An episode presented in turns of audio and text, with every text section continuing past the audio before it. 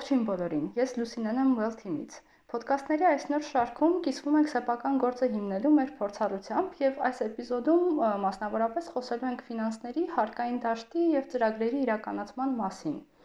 Սեփական գործը սկսելուց առաջ տարբեր մարդկանցից ինչ ասես լսելու եք ու հատկապես լսելու եք հարկայինի մասին սարսափելի պատմություններ, առհասարակ հաշվետվությունների, թղթաբանության, տարատեսակ ստուգումների մասին վախենալու լեգենդներ։ Շատերը զգուշացնելու են, որ առհասարակ իմաստ չունի բիզնես գրանցել, որովհետև այնքան շատ հարկ եք տալու, որ իմաստ էլ չունի, ամբողջ եկամուտը տալու եք որպես հարկեր։ Ու այս հարցերը ժամանակի ընթացքում այնքան շատ են լինելու, որ ինչ որ մի պահի սկսելու եք մտածել, որ գուցե իրոք այնքան բարդ է, որ իմաստ էլ չունի այս ամեն ինչի մեջ մտնել։ Մեր փորձառությունը ցույց է տալիս իրականում հակառակը։ Մենք ժամանակի ընթացքում հասկացանք, որ հարկային դաշտը Հայաստանում իրականում բավական այսպես նպաստավոր է սկսնակ բիզնեսների համար։ Մի զարմացեք, լուրջ, իրոք նպաստավոր է ու հիմա կբացատրեմ, թե ինչի նկատի ունեմ այս ամեն ինչը ասելով։ Պարզ է, չեմ ասում, որ ամեն ինչ այսպես շատ պարզ է, շատ հասկանալի է, բայց պետք է գիտակցել, որ անհնարին ոչ մի բան չկա։ Մեր երկրում ընկերություն, իսկ մասնավորապես սահմանափակ պատասխանատվությամբ ընկերություն, գրանցելը տևում է 1 աշխատանքային օր եւ այդ ամեն ինչը արվում է այսպես կոչված իրավական անձանց պետական ռեգիստրի կամ ժողովրդական լեզվով ասած պետռեգիստրի գործակալության օգնությամբ։ Դրանից հետո ամենակարևոր բանը գրանցվել պետական եկամուտների կոմիտեի էլեկտրոնային համակարգում եւ ներկայացնել առաջի դիմումներն ու հաշվետվությունները։ Դրանով դուք, այսպես ասած, Պեկին տեղյակ եք պահում, որ դուք սկսում եք ձեր գործունեությունը եւ տեղյակ եք պահում գործունեության տեսակի եւ ակնկալվող ծավալների մասին։ Շատ կարեւոր է, ամենակարևոր կետերից մեկն է, որ պետռեգիստրում գրանցվելուց հետո այս երկրորդ գրանցումը եկամուտների կոմիտեում արվի ոչ ուշ, քան 10 օր հետո։ Այս հարցերում ամենա, այսպես իդեալական տարբերակը դիմել պրոֆեսիոնալ հաշվապահի օգնությանը, բայց պետք է ճիշտը ասենք, որ սկսնակ բիզնեսներից շատերը, այդ թվում նաև մենք ժամանակին դրա հնարավորությունը չենք ունեցել եւ ստիպված ամեն ինչից փորձել ենք գլուխ հանել ինքնուրույն։ Այս պարագայում ուղղակի հարկավոր է շատ կարդալ, ուսումնասիրել Պեկի կայքը, որը բավական այսպես ծավալուն է, մեծ ինֆորմացիայի չափաբաժին է պարունակում ու այն պարագայում, երբ որ ունեք հարցեր, ուղղակի չհամաչել ու զանգել թեժգից ու ստանալ մասնագիտացված օգնություն, հավատացեք, եկամուտների կոմիտեի թեժգիծը շատ լավ աշխատում է եւ չնայած որ թվում է այսպես շատ խրթին, բայց ամեն դեպքում ձեր հարցերին պատասխաններ կստանաք։ Իրականում հարկայինի հետ աշխատելու միակ դժվարությունը այն է, որ process-ները ուղղակի մի քիչ խառն են եւ պետք է չափազանց ուշադիր ու այսպես գրագետ կերպով վարես սեփական ֆինանսները։ Պետք է պարզապես պարտաճանաչ ներկայացնել բոլոր հաշվետվությունները եւ վճարել կուտակված հարկերը։ Ընդ որում, սկսնակ բիզնեսների համար այսպիսի հնարավորություն կա աշխատել շրջանառության հարկով, որը 5% է կազմում՝ ի տարբերություն ավելացված արժեքի հարկի, որը 20% է, եւ սա իրականում հնարավորություն է տալիս եկամուտների մասին հաշվետվությունները ներկայացնել յուրաքանչյուր եռամսյակը մեկ հավատացեք անկեղծ, այսպես մեր փորձից հավատացեք, որ հարկերից խուսափելով չէ, որ ձեր բիզնեսը պետք է զարգանա ու աճի։ Խելացի ու տկնաչան աշխատանքը դա իրականում բիզնեսի միակ հաջողության գաղտնիքն է։ Հարկայինի շուրջ միֆերը իսկապես շատ-շատ են,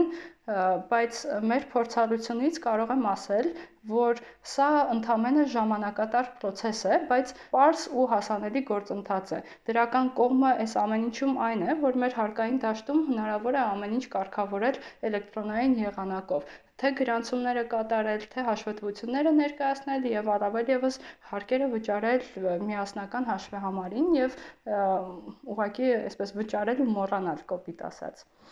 Ինչ վերաբերում է ընկերության ֆինանսներին,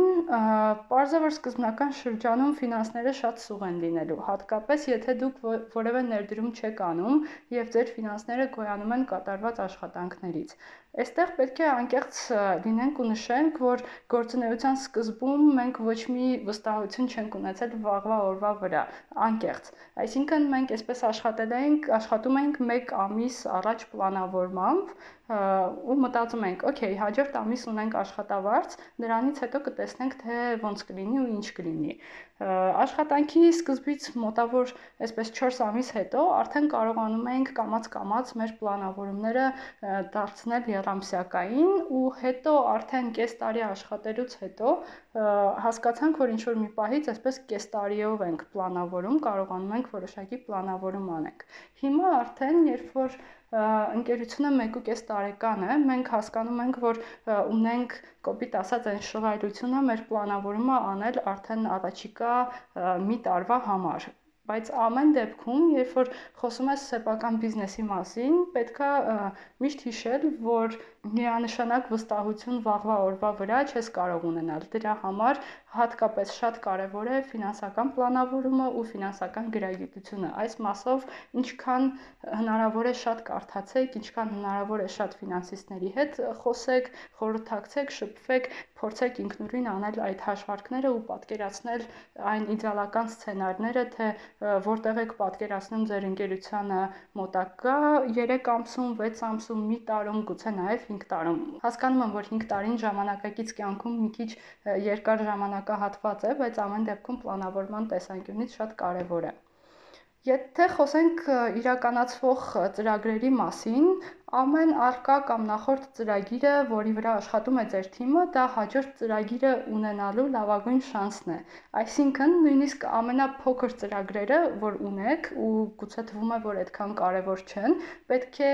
իրականացնել այսպես մեծագույն պատասխանատվությամբ, քանի որ դա լավագույն եղանակն է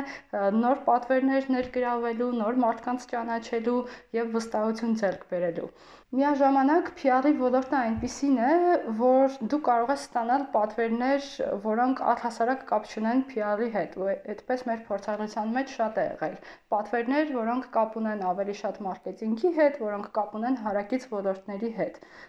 Այս պարագայում իսկապես շատ կարևոր է անհիմն գայթակղությանը չտրվել եւ չվերցնել բոլոր եկող պատվերները ու դրանով ձեր պատվիրատուին թյուրիմացության մեջ չգցել։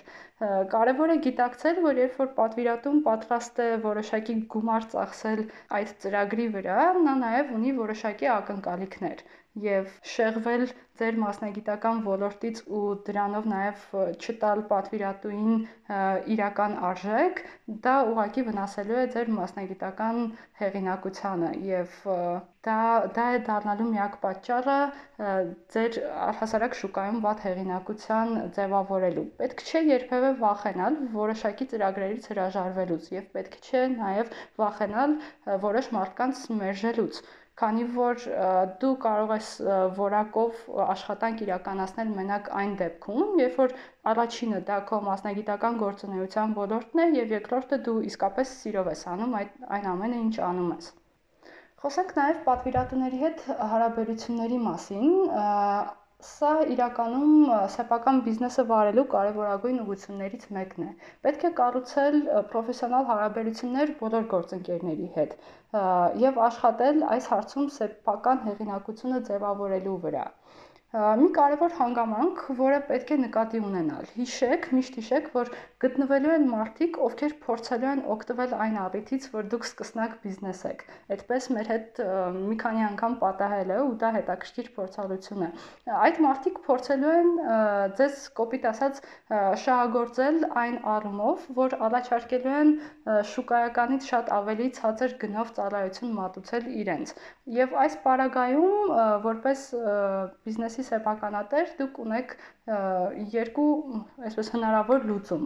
Առաջինը՝ պետք է հաշվի առնել, արդյոք այդ բրենդը ձեր համար կարևոր է եւ անհրաժեշտ է ձեր պորտֆոլիոյի համար։ Ինչի նկատի ունեմ սա ասելով։ Այսինքն, եթե նույնիսկ ծրագրի բյուջեն շատ ցածր է, սակայն բրենդը բավականին ճանաչված է, իսկ դուք ունեք այս պահին պորտֆոլիո ձևավորելու խնդիր, ապա կարելի է սկզբնական շրջանում զիջումների գնալ ծրագրի բյուջեի հարցում եւ անել այդ ծրագիրը։